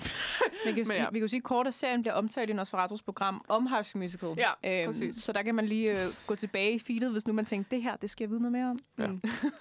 Meget rigtigt. Øhm, og ellers, øh, ud over nogle af de her eksempler, så har vi bare en masse, som har forsøgt og har haft øh, blandet succes. øh, Jamie Foxx, øh, han spil, vandt jo en Oscar for at spille Ray Charles i filmen Ray, og tænkte, øh, okay, nu begynder jeg at prøve, nu vil jeg så prøve selv at være sådan jazzmusiker. Øh, og øh, jeg tror, det han faktisk er mest kendt for, det er at synge øh, lidt omkvædet i Gold Digger af Kanye West. Det er ham, der synger She take my money, som jo Oh, er yeah. det, den bliver... Og det er jo en sample, men alligevel ikke helt agtig, fordi det er jo taget fra Ray Charles' øh, sang Okay. øh, Gold Digger, men den er jo så opdateret, fordi det er nu Jamie Foxx, der tager Nå, så vokalen det, det der. er hans stemme, Ja, det er Jamie Foxx' stemme som Ray Charles-agtig, så Ja. der er ikke noget meta der. Men ellers har han noget, lavet noget af sit eget musik. Han er så en af dem. Han har fået lidt et publikum. Det samme kan måske ikke siges om, øh, bare for at nævne det her. Øh, vidste I, at øh, Bruce Willis, øh, Gwyneth Paltrow, øh, Lindsay Lohan, øh, Kevin Bacon, øh, Scarlett Johansson og Russell Crowe har lavet musik? Jeg vidste. Scarlett Johansson. Okay. Øh, men det er fordi, jeg var en Marvel-fandom i en, en Marvel, øh, hvad hedder det, periode på et kort tidspunkt, og hun har vist lavet et par sange. Øh, ikke det er noget at råbe hurra for heller. Har du måske hørt øh, Paris Hiltons sang, Stars Are Blind? Oh, ja. Den har For jeg i hvert det, fald hørt. Det er en banger. ja. Jeg har også set hendes musikvideoer. Men har hun hun- musikvideo? Ja, ja, hun, ja. hun var på MTV. Det er så, at du lige nævner den, fordi det er jo decideret sådan et, et uh, guilty pleasure hit for mange, for da den kom, mens Paris, hun er jo næsten værd at snakke om, for hun er sådan en slags, hvad, hvad, hvad, hvordan... Hvem er du? Jamen bare sådan en slags, hvordan fik hun overhovedet en karriereagtig, du Hun er ved. sådan et hjørnesten i popkulturen. Ja. Ja, måde. præcis, fordi på en eller anden måde, hun er jo ikke, hun kan jo for eksempel, vil jeg også våge påstå, kan hun overhovedet bruges i det her som et eksempel på en skuespiller, der blev en musiker? Altså, hendes skuespil er godt nok... Øh, Ja, Men jeg ved ikke engang, hvordan hun startede. Altså, var det Hun ikke en startede som- eller eller? Altså, det er jo hendes far, der ejer Hilton Hoteller. Ja, ikke? Så okay. hun Ja, er jo det bare det. hotelejernes datter. og, Hun så er hun jo, Paris Hilton. og så har hun jo skabt helt vildt meget andet. Hun har jo også øh, hun har trademarket sinds, altså der er rigtig mange ord, Mm. hun har trademarket, øh, som hun så kun, altså Det er jo, det er Ja, jo sådan noget, som jeg tænker på. Altså sådan Sweet Life of Second Cody, Disney-serien. London Tipton er jo en parodi af Paris Hilton. ja, baseret Og Tipton på hende. Hoteller er baseret på Hilton Hoteller. What? Pa- Paris Hilton var på en det måde... faktisk ikke. Det giver så meget mening. Mind blown. Altså, jeg tror, Paris Hilton var Kim Kardashian før Kim Kardashian var der. Åh, og ja, det er Kim en god Kardashians- sammenligning. Altså, og Kim Kardashians karriere startede, fordi hun var øh, assistent til Paris Hilton. Wow. Ja. Okay. Så- Ja. Mind så- blown. Kæft, man. Jeg Det vil sige- giv faklen videre. 100 procent, så Paris Hilton var nullernes Kim Kardashian. Er det ikke sådan, man kan sige det? Kim Kardashians er, Kort og nu. Kim Kardashian er nutidens Paris Hilton. Er det måske mere? Også, ja, det er måske endnu mere respekt. Det synes jeg er bedre. Kevin Bacon, det er faktisk, at han har et band med sine lillebror, som hedder The Bacon Brothers, Godt navn. som simpelthen er Noget meget... mere som en diner, ikke? ja, fuldstændig. Hvor de lidt laver noget country-musik, som, øh, altså jeg har hørt lidt noget af det, og meget af det her virker også nogle gange lidt som, du ved, et sideprojekt. Mm. Sådan noget slags, som skuespiller nogle gange også lidt kan se sig selv med, okay, jeg har efterhånden, jeg kan få alt udstyr, jeg behøver til at indspille noget så, uh, musik, som i hvert fald produktionsmæssigt kan lyde fornuftigt, fordi de har råd til at få alt det dyreste øh, materiale til at øh, lave musik. Men som du ved, meget af det er jo intetsigende. Der er jo en grund til, at man ikke hører meget af det her, fordi de ikke helt er sådan noget. Det, det virker alt sammen som sideprojekter. Det har jeg i hvert fald set. Jeg har også set Bruce Willis, han lavede noget hygge country på et tidspunkt. Okay. Det var sådan lidt fair det havde jeg ikke forventet, faktisk. Nej, men præcis, men det er jo også sådan noget, han lavede meget i en lille kort periode, hvor det virkede også, at publikum, der var der, det var lidt for at hygge, som i forvejen kendte ham, du ved, som actionhelten Bruce Willis. Så det er ret sjældent, du hører om skuespillere, altså der ender med at blive musikere. Det synes det er et interessant, som vi også vil senere tage op, at vi har jo hørt, at nogen, øh, som Barbara Streisand for eksempel, og også nogle andre, også Lady Gaga, øh, Star is Born-relateret, øhm, kan gå hen og blive... Øh, nogen kan vinde det, det er en Oscar for deres skuespilspræcision. Nogle andre bliver bare nomineret. Men du hører ikke det her om skuespillere, der bliver nomineret til Grammys for deres numre. Det er jo virkelig sjældent, det her. Og det er jo nok fordi, at der er mere nogen, der bare er født med evnen til at ramme de der vokaler der. Der er jo også nogen, der er født til at være ekstraordinære skuespillere. Men du kan nok slippe meget mere afsted med det som skuespiller. Uh, vi har en af dem, jeg også nævnte som et eksempel med et skuespiller, der prøvede af som musiker, var jo Russell Crowe, og mange tænkte, og Russell Crowe i Le Miserable, han var godt nok ikke særlig god. Han spillede Javert, Ja, som netop, er en, som er øh, en kompleks, ja, og han er en kompleks karakter, ikke også?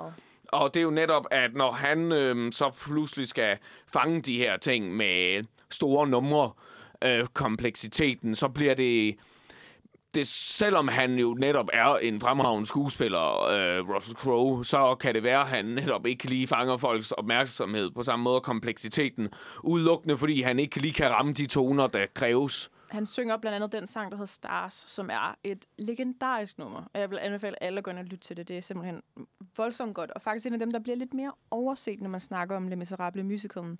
Men det nummer kræver også bare en helt enorm stor øh, hvad hedder sådan noget, range. Altså en stor vokal øh, rækkevidde. Man skal virkelig højt op og virkelig have en stor stemme, der kan omfavne alt, hvad den sang handler om. Fordi det er som en skæbnesvanger sang.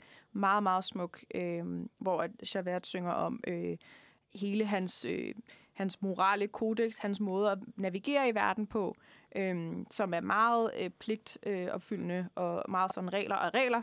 Øh, og det, det er en enormt smuk sang. Og så synger han også en sang, når han så der, øh, begår selvmord, som også er helt vildt voldsomt smuk. Øh, og det falder bare til jorden med Russell Crowe i den rolle, desværre.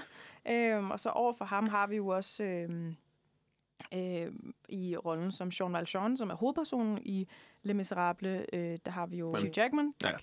Øhm, som faktisk også er musicalstjerne. Det er lidt sjovt. Han, øh, han har oh. også, øh, ja, han, han, også, øh, han får nylig været på Broadway igen i den musical, der hedder The Music Man. Øh, og ellers den første opsætning af den musical, der hedder The Boy From Us, øh, der spiller han hovedrollen, hvor han øh, danser øh, meget seksuelt og spændende i sådan et par guldbukser. Det er sådan meget alternativt, øh, at man lige skulle se ham i den rolle, men han var kæmpestor der, og virkelig, virkelig dygtig, så han kan sagtens synge.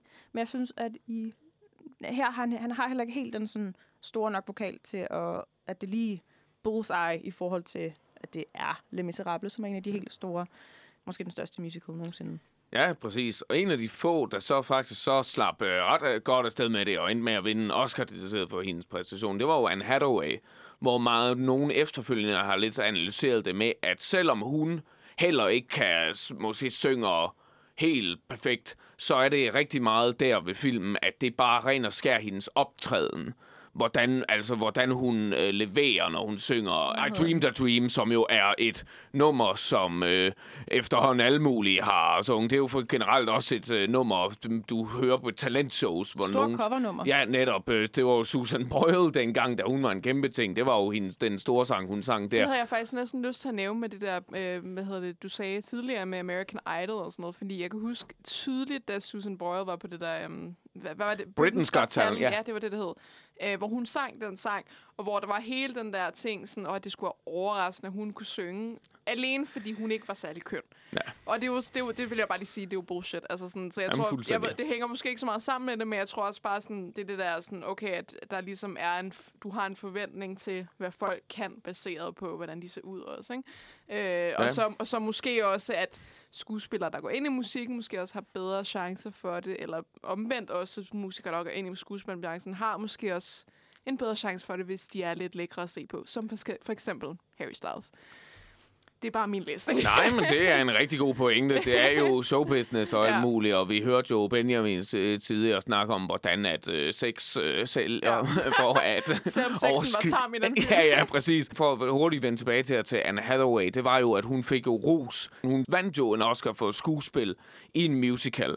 Er det bare hendes øh, vokal der, eller er det fordi, at hun også bare leverer en god præstation? Det er en meget tilgivende sang på den måde. Hun spiller rollen som øh, Fantine, som i I Dreamed a Dream synger en form for finalesang i forhold til sit eget liv. Altså hun går bort kort tid efter, øh, fordi hun er syg og fattig og ikke ved, hvad hun skal gøre af sig selv, og har sendt sin, øh, sin datter ud i verden, for hun kunne ikke hun havde ikke råd til at tage sig af hende, og øh, hun har solgt sit hår, øh, hun har klipper sit hår af.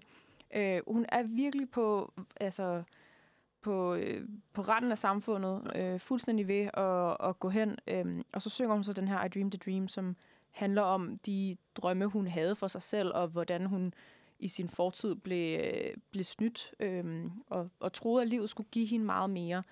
Og den performance laver Anne Hathaway også, hvor hun ligesom græder, så det er også okay, at stemmen knækker over, og der er sådan noget vrang i den, som ikke lyder så godt i øret, fordi hun samtidig også bare fuldstændig altså, tuder. Ja, og helt, præcis. altså, Kollapser helt. ja, præcis. Og virkelig, virkelig stærkt at se på, kan man Mm. sige. Og det er jo igen Meget rørende øjeblik. Ja, fuldstændig. Ja. Så vi har i hvert fald nogle eksempler der fra samme film, hvor du har sådan, øh, du har en som øh, Anne Hathaway, hvor at øh, det hele øh, skuespilspræstationen redder det vokale, og det kan man så ikke sige på samme måde som øh, Hugh Jackman og især Russell Crowe. Mm.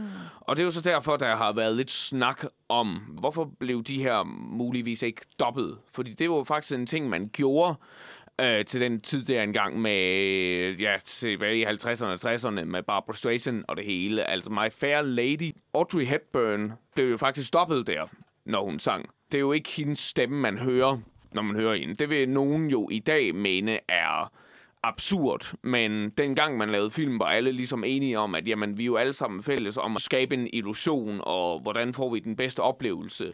Øh, det er vel nok, at når vi skal lave en musical, og en synger, så dopper vi det over med en, der kan sangen bedre. Det skal så også sige selvfølgelig, at dopperne, de hyrede jo dengang, var jo typisk også nogen, der lidt lød som personen. Ja, altså den, hende, som dobbede Audrey Hepburn, det er en, der hedder Marnie Nixon, og hun er faktisk en, der, blev, der blev brugt rigtig meget dengang til Okay. at dobbe. Så hun var sådan en, der bare dobbede for skuespillere. Øhm, og det, der også er så interessant med My Fair Lady, var, at Julie Andrews, som er en rigtig stor både teaterskuespiller og filmskuespiller og sanger, hun spillede den originale øh, My Fair Lady, altså i den originale teateropsætning. Og hun var også en skuespiller, altså en filmskuespiller på det tidspunkt. Hun blev så ikke castet i den her rolle, selvom hun på en eller anden måde var det oplagte valg. I stedet for blev det Audrey Hepburn, som jo ikke altså, har verdens største sangstemme, og derfor blev dobbelt. Men Julie Andrews fik så, øh, hvad kan man sige, øh, hævn er det forkerte ord, men hun blev så øh, få år efter Fik castet i... revanche i hvert fald, ja. Ja, i øhm, Sound of Music. Sound of. Music, ja, ja, præcis. lige præcis. Så hun fik jo sit kæmpe store gennembrud, men med My Fair Lady var faktisk hendes gennembrud på teaterscenen. Så det er sådan lidt sjovt, at man lige valgte noget andet der. Audrey Hepburn er jo en fantastisk skuespillerinde, øhm, og hun gør det rigtig godt som Eliza Doolittle i My Fair Lady. Men det er sjovt det der med, at det er faktisk ikke hende, der synger. Ja, og det er jo så måske mere et holdningsspørgsmål. Det ved jeg heller ikke, hvad du tænker, Lennon. Synes du, at skuespillere skal blive dobbelt, eller... Jeg synes egentlig, jo, det må man gerne. Altså, jeg, jeg er jo også... øh, Nu, nu kommer jeg igen med en controversial opinion her, som jeg ikke ved om... Det kan godt være, at Bejlum han på en gang skyld er enig med mig, det ved jeg ikke, men det, som regel er jeg så uenig. Uh, jeg hader La La Land. Jeg er heller ikke helt fan af den, Nej. så det... Jeg kan rigtig godt lide den. Wow. for en gang skyld. Men en af, en, af, en af grundene til, at jeg ikke kunne lide den, var, fordi jeg ikke synes, at Emma Stone kunne synge. Hvor jeg også bare sådan, hvorfor castede du ikke bare en skuespiller, der også kunne synge? Altså, en, eller en sanger, som også kunne spille skuespil. Jeg tror også helt klart i, i forhold til Beauty and the Beast, jeg synes, det var fint at doppe, men jeg ville hellere have, at de faktisk castede en, der kunne synge og kunne spille skuespil. Det Ja. synes jeg gør det bare så meget nemmere. I modsætning til, du ved, at få Emma Watson, og så få en anden til at lægge stemme over. For der er også Broadway-skuespillerinder, der har spillet Belle, som kan deres kram, og så synes jeg meget hellere, at man skulle give noget tid til dem, ikke? Ja, Øhm, øhm, ja, det er jo sådan set det ene. Det er jo, jeg kan måske bare sige, at det skulle bare være et spørgsmål om casting. Ja. Fordi jeg kan jo selvfølgelig også se, at der er jo nogen, der mener, at det, det føles uærligt, at den her skuespiller, Jamen præcis, du ved, at det ligesom uærligt, at det, fake synger, eller hvad kan man sige? Altså, altså der er min- en, der lægger ansigt til, og der er en anden, der, der lægger stemme til, Ja. og så tror jeg, at så er ligesom at dem, der har ansigtet til det, måske også får credit for det. Og det tror jeg måske også i The Greatest Showman, ikke fordi det er den bedste film i verden, men den der, som Hugh Jackman også var i, hende, der synger Never Enough, hedder den. ja. Øh, hun, er sådan, hun spiller en svensk sangerinde. Og hendes skuespillerinde synger ikke sangen, den anden sangerinde, der gør det. Men fordi hun var den eneste, der ikke sang sin egen sang og sådan noget, fordi folk ikke tænker over det, når de så filmen, så er der mange, der troede, at det var hende, der sang. Og så blev de overrasket, at det så ikke var hende, der sang det. Så ja. jeg tror også meget, at så er det ligesom skuespilleren, der får credit for, hvad der kommer ud af munden, selvom det ikke rigtig er deres præstation, ikke? Ja, præcis. Og det, kan jo, det er jo måske nok også derfor, det er et godt argument for at være imod dubbing, mm. fordi at der er jo et eller andet, og især i, i nyere tid og sådan noget, så vi, vi går jo mere og mere op i, at alt skal være mere ægte. Be real. Ja, ja, præcis. På trods af, at netop sådan nogle eksempler der, og også TikTok og sådan noget med vlogs med, og jeg er bare mig det kan argumenteres for at være endnu mere øh, falsk, end det nogensinde har været. Så det, men udstråle lidt det ægte og det ærlige, også selv på film, at måske behøver ikke alt at være en illusion. Måske skal vi faktisk, altså den jeg ser synge, jeg vil gerne se at det, og høre, det faktisk er den person, der synger. Det er nok et meget relevant argument.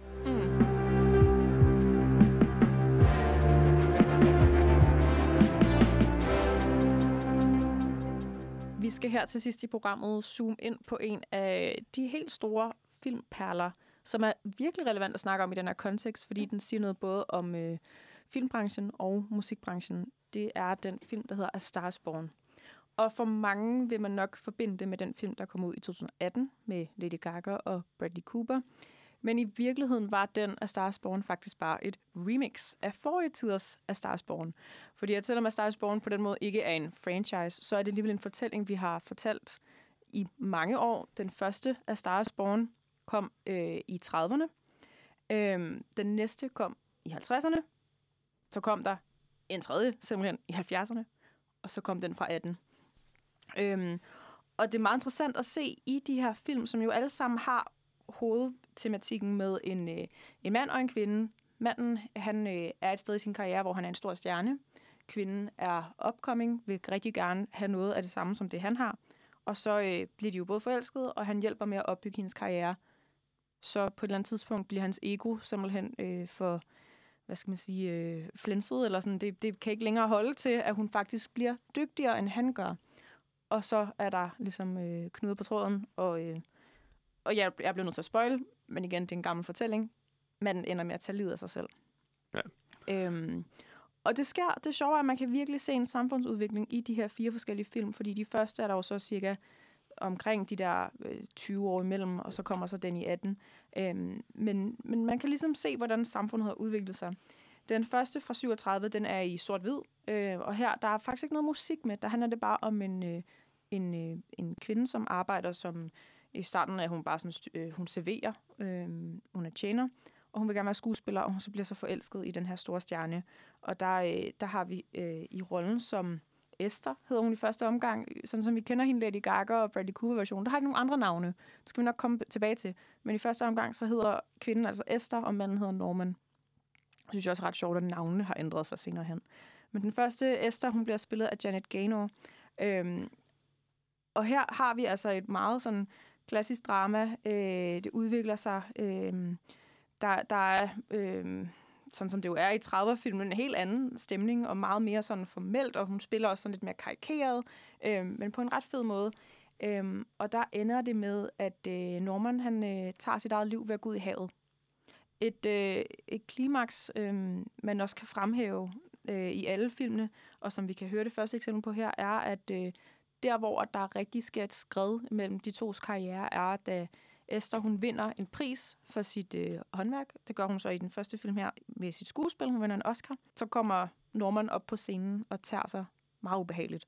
Og faktisk altså, gør det virkelig pinligt for dem begge to, fordi det er foran et stort publikum, at det bliver filmet. Øh, men vi kan høre et klip her fra filmen, øh, hvor det er, at Norman han kommer op på scenen og begynder at vrøvle omkring sin egen karriere, øh, og ligesom tager alt stjernemoment fra Esther.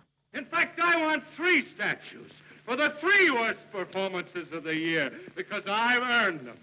And every single one of you that saw those last masterpieces of mine knows that I've earned them. Libby, start the music. What I'm here to find out is, do I get them or do I get them? Now answer yes or no. Og her, øh, altså, så han kommer op og rappler på scenen og siger, jeg har lavet store film. Hvad mener I, at jeg ikke engang er nomineret? Hvad skal der ske? Øh, og så kan man høre lyden sådan lige til sidst, der sådan en lyd. Øh, det er simpelthen fordi, at han i sin øh, vrede og i sit udbrud fakler rundt med sin arme, og simpelthen får givet en lussing til sin kone på scenen. Enormt øh, tragisk og ubehageligt, og meget øh, uhyggeligt, at det sådan, sker på den her måde. Men det er den første film, der det handler, det tager udgangspunkt i skuespilsbranchen. Yes. Okay. Ja, i skuespilsbranchen. Så kan vi jo hoppe videre til 50'erne, som har Judy Garland i hovedrollen. Og det er her, musikken for første gang træder ind. Øhm, der hedder hovedpersonen stadig Esther. Øhm, og det, den her rolle for Judy Garland var faktisk lidt sådan en comeback-rolle for hende, fordi hun var på et tidspunkt i sin karriere, hvor hun var rigtig slidt. Og øh, også øh, stor forbruger af... Alkohol, og sådan ikke var sit stærkeste sted. Så der skulle en film tilbage, hvor, eller en film på markedet, hvor hun sang og øh, kunne have noget stjernestund. Og det havde hun så i, øh, i 50'ernes af Stars Born. Hvor der så også er farve på, og musik, som musikken passer bare vildt godt skrevet til Judy Garland i hendes øh, stemmeleje og i det, hendes tonart, og den måde, man sådan har set hende på ellers. Og der øh, kommer han også op på scenen, og, øh, og giver hende en lussing. Det er lidt mobilt, at jeg bare har klip med folk, der får lussinger. Men nu hører vi lige 50'ernes version, hvor at Norman kommer op på scenen og skæver sig. I need a job. It's as simple as that. I, I need a job, that's all. My talents, I may say, are not confined to dramatic parts. I can play comedy, too. Yes. Well, well, well, well, play something, somebody. Her er publikum jo mere forfærdet end i 30'ernes version, kan man høre. Der er i hvert fald noget på, da han får givet hende den lussing der. Jeg synes, grunden til at tage fat i den her scene, det er jo der, hvor det hele er på spidsen, og man kan virkelig mærke, at øh, forbindelsen mellem de to hovedpersoner, øh, der er en, øh, det falder ud her. Det, det er ligesom øh, point of no return. I 50'er versionen dør han også ved at gå Okay, i vandet. ja. Øh, og i 70'erne, øh, der er øh, det igen øh, musikken, der er i hovedrolle her.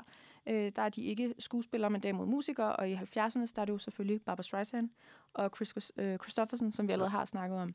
Øhm, og der er ny musik, som passer til Barbara Streisand og hendes stil og hendes stemme, og hun har været med til at skrive musikken.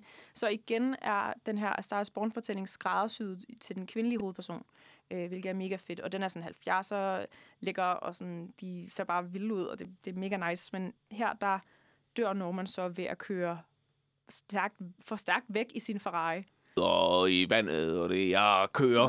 jeg går ikke. Det skal være mere ekstremt. Ja, Jeg skal ud i min Ferrari. Ja, ja, præcis. Kæft, hvor jeg sejver. Men jeg synes, det er interessant, at hver af de her film ligesom er, som du siger, skræddersyet til den kvindelige hovedrolle, og hvor meget de har ændret sig. Ikke? Mm. Øh, og det har jo, ja, som jeg forventer, også ændret sig i, i den nye, for jeg har ikke set den. Nej. Men nej, Ja. det har sikkert ændret sig meget også, ikke? Det har det nemlig, fordi så i 2018, hvor den nyeste af Stars Born kom ud, der er det også igen musikken, der er i, i øh, centrum, så det er kun i 30'er-versionen, at det handler om skuespillere, og senere hen er det som musikere. Her, det synes jeg var noget af det mest slående. Altså, de har jo både skiftet navn på karaktererne. De hedder ikke længere, længere øh, øh, Norman og Esther. Øh, det, det var åbenbart for... Bradley Cooper, han ligner heller ikke en. Norman, gør han. Måske. øh, han hedder til gengæld Jack. Jeg ved ikke, om han... Yes. og man Selvfølgelig lærer- Jack. Ærke og man amerikansk. ligner en Jack, øh, og hun hedder Allie. Ej, det er også de mest kedelige navne, jeg Jack og. Og Ellie. det er i hvert fald lidt mere country Jack og vibe. Ellie. Ja. ja. Så Norman har, altså han har skiftet navn, og han øh, kommer også til at, eller, eller nu kalder vi ham Ali og Jack, bare for en sikkerheds skyld. Øhm, det der sker, når hun så kommer på scenen og modtager sin pris for sin, øh, sin sang, så tisser han jo i bukserne på scenen. Okay, Ja. han giver ikke en losing mere. Nej, netop. Han har for meget alkohol i blodet, eller ikke det, eller et eller andet. At Han er fuldstændig, og det er de også de andre, der kommer på scenen, altså de andre, øh, Jack, Norman, karakteren, øh, har også drukket. Men her så tisser han i bukserne. If I haven't thanked you yet, just You just say you're up there. yeah, I know. I started Oh out God, singing you with love- this beautiful man, and I'll sing with him for life, Oh, right, baby? that- yeah. That was good. I'm so blessed to be in the company of such Oh. wonderful musicians. This is a dream come true, and all I can say is believe in yourself and don't give up because there is a spot on that stage for you. Oh, Good night. Shit. Oh, fuck. Oh, nigga, man. Nigga. Nigga, nigga. Baby, just turn it. Jeg tænkte, at det er som om, at vores grænser for, hvornår vi bliver forfærdet, har rykket sig siden de første film. Altså det er som om, at det at slå er ikke længere voldsomt grænseoverskridende. Han skal faktisk tisse i bukserne Altså, for det er jo-. Ja, det er jo mere noget psykisk øh, tra- traume på Altså, en jeg eller anden synes, det ændrer lidt, fordi i, i det der, når i de andre kan jeg høre, når han, når han giver en losing, hvilket så ikke er med vilje, men fordi han er en mandemand, der er vred, at så er det jo ligesom pinligt for dem begge. Mm. Mm. Men jeg, i den nye film, der lyder det jo som, at det kun er pinligt for ham. Altså, eller, altså jeg ved godt, at han afbryder hende på scenen, men det, at han tisser i bukserne, det går jo ikke ud over hende. Mm, altså hun associeres jo stadig med ham, og de ja, står jamen, der sammen, jeg, og de jeg, tror, jeg tror bare, jeg føler, at det er et lidt andet forhold, den Ja. måde, det er på. Jeg tror bare, jeg synes, det var sådan endnu mere pinagtigt på en Ja. eller anden måde, og måske, som du også siger, Emil, mere sådan psykologisk, eller sådan, man har Mm. måske mere ondt af ham, fordi Jamen, det det er er, jo så det. Jo, helt sørgeligt. sikkert. Mere Ja, ondt af præcis. ham på den måde. Ja, Ja, hvor tror det andet jeg er ikke, bare forfærdende, ja. eller man bliver sådan, wow, okay. måske mere færre udvikling med, at vi har bare gjort det meget direkte Mhm. hele vejen igennem. At Ja. der ikke er alt muligt glimmer på. Ja. Ja. Ja, det er der blevet sådan, det, man har skåret lidt ned på det der æstetisk smukke, og bare været sådan, det her er pisse sørgeligt. Altså, så man kan se det både på den måde med, at det er blevet mere sådan reelt, vi skal tale sæt, hvor voldsomt det her er, og samtidig kan man også godt se, at måske vores grænser for, hvornår vi bliver forfærdet, også er rykket. Altså, det er ikke længere nok, at man giver en lussing, nu skal han også tisse i bukserne. Ja, det, det er i hvert fald spændende at se udviklingen, øh, og hvordan at, man kan sige, det der med, at man også hopper fra, altså, øh, at i 70'erne var man ret træt af filmmusicals, så derfor er genremusikken, der er i Barbara Streisands version, er også sådan 70'er fed og sådan meget mere rock and roll agtig hvor Judy Garlands er det der musical genre, som man- man var vild med i Mm. 50'erne. Men i 70'erne, der var vi sådan, puha, vi skulle lige lidt væk fra filmmusicalen. Så derfor er det en filmmusical, men den er sådan forklædt som et rockkoncert, øh, hvilket er ret cool. Øhm, så, så det er bare virkelig spændende, hvordan at den her film i bund og grund siger både noget om skuespil og musik på et indholdsmæssigt plan i filmen, men også på sådan en metaplan i forhold til, hvordan det er produceret, og med hvem, der har spillet. Hvorfor er det jo, at de har lavet så mange udgaver af Star is Born? Hvorfor er det overhovedet en fortælling, der skal genfortælles? Hvad vil du sige til det? Ja. Jeg tror, at øh, det har noget at gøre med øh, det der med, øh, der er noget med kønsroller i forhold til, det bliver, det, ved, det bliver helt interessant at undersøge, hvordan den her mand, som på en eller anden måde er vant til at skulle dominere og vinde og være prisværdig, at der faktisk er hans romantiske partner, ligesom ja. overgår ham, og hvordan han dealer med det. Så det er en, et, et, øh, en fortælling om egoet, og måske også det mandlige ego. Øhm, og så er det helt sikkert også en fortælling om det at vokse frem i øh, underholdningsbranchen. Altså, hvordan man gør det, og at man nok også har brug for, at der er en eller anden, der rækker en en, en hånd, for at man kan komme ind i branchen. Altså, at Ja, kvinderne netop. her får chancen, fordi de så associeres med den allerede etablerede stjerne. Så det siger også noget omkring øh, vejen ind i branchen, og at man, det kræver, at man har en, øh, en god ven, der har ligesom inviterer en indenfor. Den eller, gode, den eller har en rigt- kone, der vil kaste ham i sin egen film.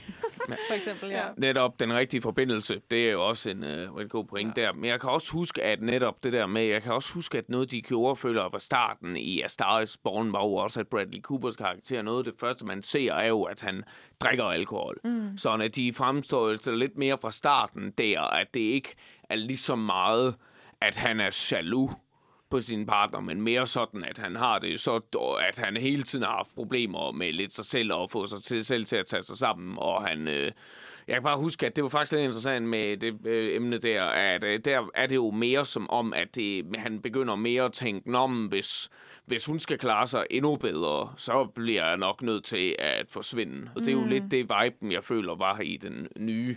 Den er mere øm og mere med sådan omsorg for ham også, ikke? Altså, Ja. at det er ligesom ham, vi skal have ondt af.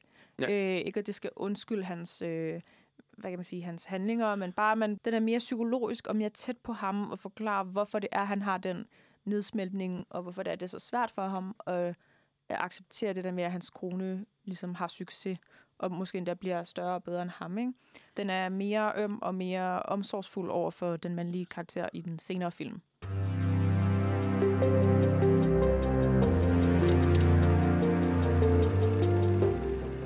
En pointe, jeg føler, vi har været lidt igennem, som jeg synes også, at Star Wars Born kommer lidt ind på til en vis grad, det er jo, at det her med musikere, det, det er jo også et kæmpe brand, de skal opbygge. Og når de er med i film, så er det nogle gange en måde at udvide deres brand. De film, de er med i, har de sjovt nok også lavet en sang til. Et større eksempel faktisk, det var jo øh, Whitney Houston med The Bodyguard, som blev en af de mest solgte filmsoundtracks nogensinde. Hun var ikke med i så mange film, men især her. Jeg tror ikke, at hun blev rost så meget for hendes øh, skuespil, men jeg tror, at alle var inde i hendes vokaler, var øh, nærmest guddommelige i I Will Always Love You og det hele. Øhm, det er jo igen sådan noget, jeg føler, det har du set lidt ved flere eksempler, faktisk. Hvordan musikere nogle gange, at det der med, at de decideret vil være med i film, det er måske mere, at de gør det for at udvide deres brand, Ah, ja, frem ja. for, at de egentlig ønsker øh, virkelig vil spille skuespil. Det er jo svært, altså, mm, det er svært at sige om, hvad der motiverer dem til at gøre det, men der er ingen tvivl om, at når man er i showbusiness, så kan man jo spille på flere heste, og det er sådan strategisk og sådan økonomisk måske er en meget mm, god investering. Altså at øh, både, hvis man kan, både spille skuespil og synge, at hvorfor ikke øh, investere sig selv flere steder. Så jeg tænker, at det er en måde at udvide sit brand på, og en måde at skabe opmærksomhed på forskellige øh, parametre. Jeg vil da håbe på, at langt de fleste, der gør det, er fordi de har en passion og en stor gave for det, de laver, og det er det, der motiverer dem. Men øh, det er svært at sige, hvad det så egentlig er. Det kan vi jo ikke, øh, det kan vi jo ikke rigtig sætte fingre på. Men det er klart, at det er øh, brand, brandmæssigt, hvis man så går ud og laver et fedt nummer, eller laver en fed film, at så peger det, man har lavet på hinanden, og på den måde kan man få folk til både at lytte til sin musik og se sin film. Mm, helt sikkert.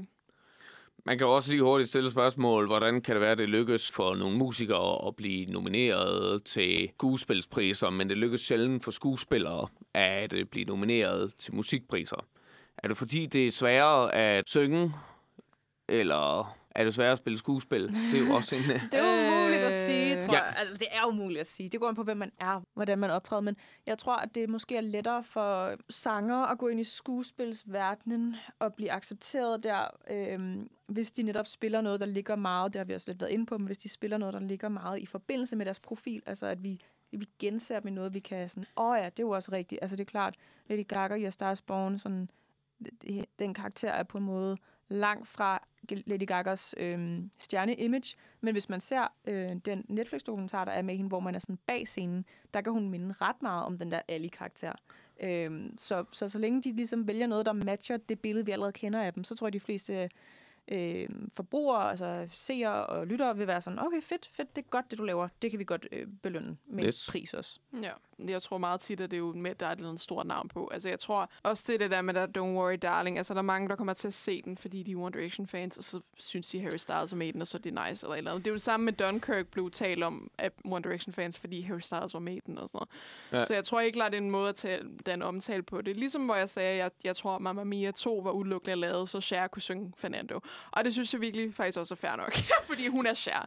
Øhm, Ja, og hvis det er det, man gerne vil se, så får du det jo også serveret sådan meget fint. Ja. Jeg vil jo så også våge at påstå, fordi jeg, jeg lagde også lidt selv det spørgsmål op til diskussion, men jeg vil også selv sige, at nej, jeg tror altså ikke, man kan netop sige, at synge er sværere end, spil, end skuespil. Altså, det er mere sådan en slags... Jeg tror, det er nemmere dog, at man, når, du ved, når man kan høre nogen synger dårligt, det tror jeg er nemmere alment, at fordi at der vores ører reagerer på det. Men dårligt skuespil, det er ikke på samme måde alment. Altså, vi kan selvfølgelig godt se amatørskuespil. Der tror jeg, de fleste kan tænke, okay, det er helt ved siden af. Men du ved, i mange gennemsnitlige Hollywood-film, her, der tror jeg faktisk ikke, der er så mange, der tænker, ej, det var det, det, ej, det lød helt forkert, det der, eller sådan noget. Men altså ekstraordinært skuespil, så er noget, hvor de ligger alle, alt deres ego væk, altså holder, holder intet tilbage, og når et punkt, hvor det bare er, det er virkelig følelserne, der viser igennem, hvor, og viser deres øh, sårbarhed og det hele. Det er sådan noget, det er, det er virkelig svært at lave, tror jeg. Det tror jeg er meget svært at mestre. Og det er jo også derfor, øh, jeg våger påstå, som vi lidt har kigget på, at det er især få musikere, som opnår det. Opnår sådan en præstation, hvor man tænker, hold da fast, mand. De er jo nærmest, nu er de jo den her karakter. Så, men jeg synes i hvert fald, det har været spændende at snakke om i dag, hvordan at øh, musikere på film absolut er en ting, der nok bliver ved. Og det er altid spændende at se, hvordan det lykkes for dem. Fordi... Hvordan det ikke lykkes. Ja, netop. Fordi det er jo underholdende, kan man jo godt kommentere på, på begge måder. Ja, tak for, at du lyttede med til Filmmagasinet Nosferatu i dag. Øhm, vi er tilbage igen øh, på næste torsdag live, og øh, ellers kan du høre os på podcast. Du kan også læse vores anmeldelser på nosferatu.dk, og så kan du følge os på Instagram og på Facebook. Tak fordi du lyttede med.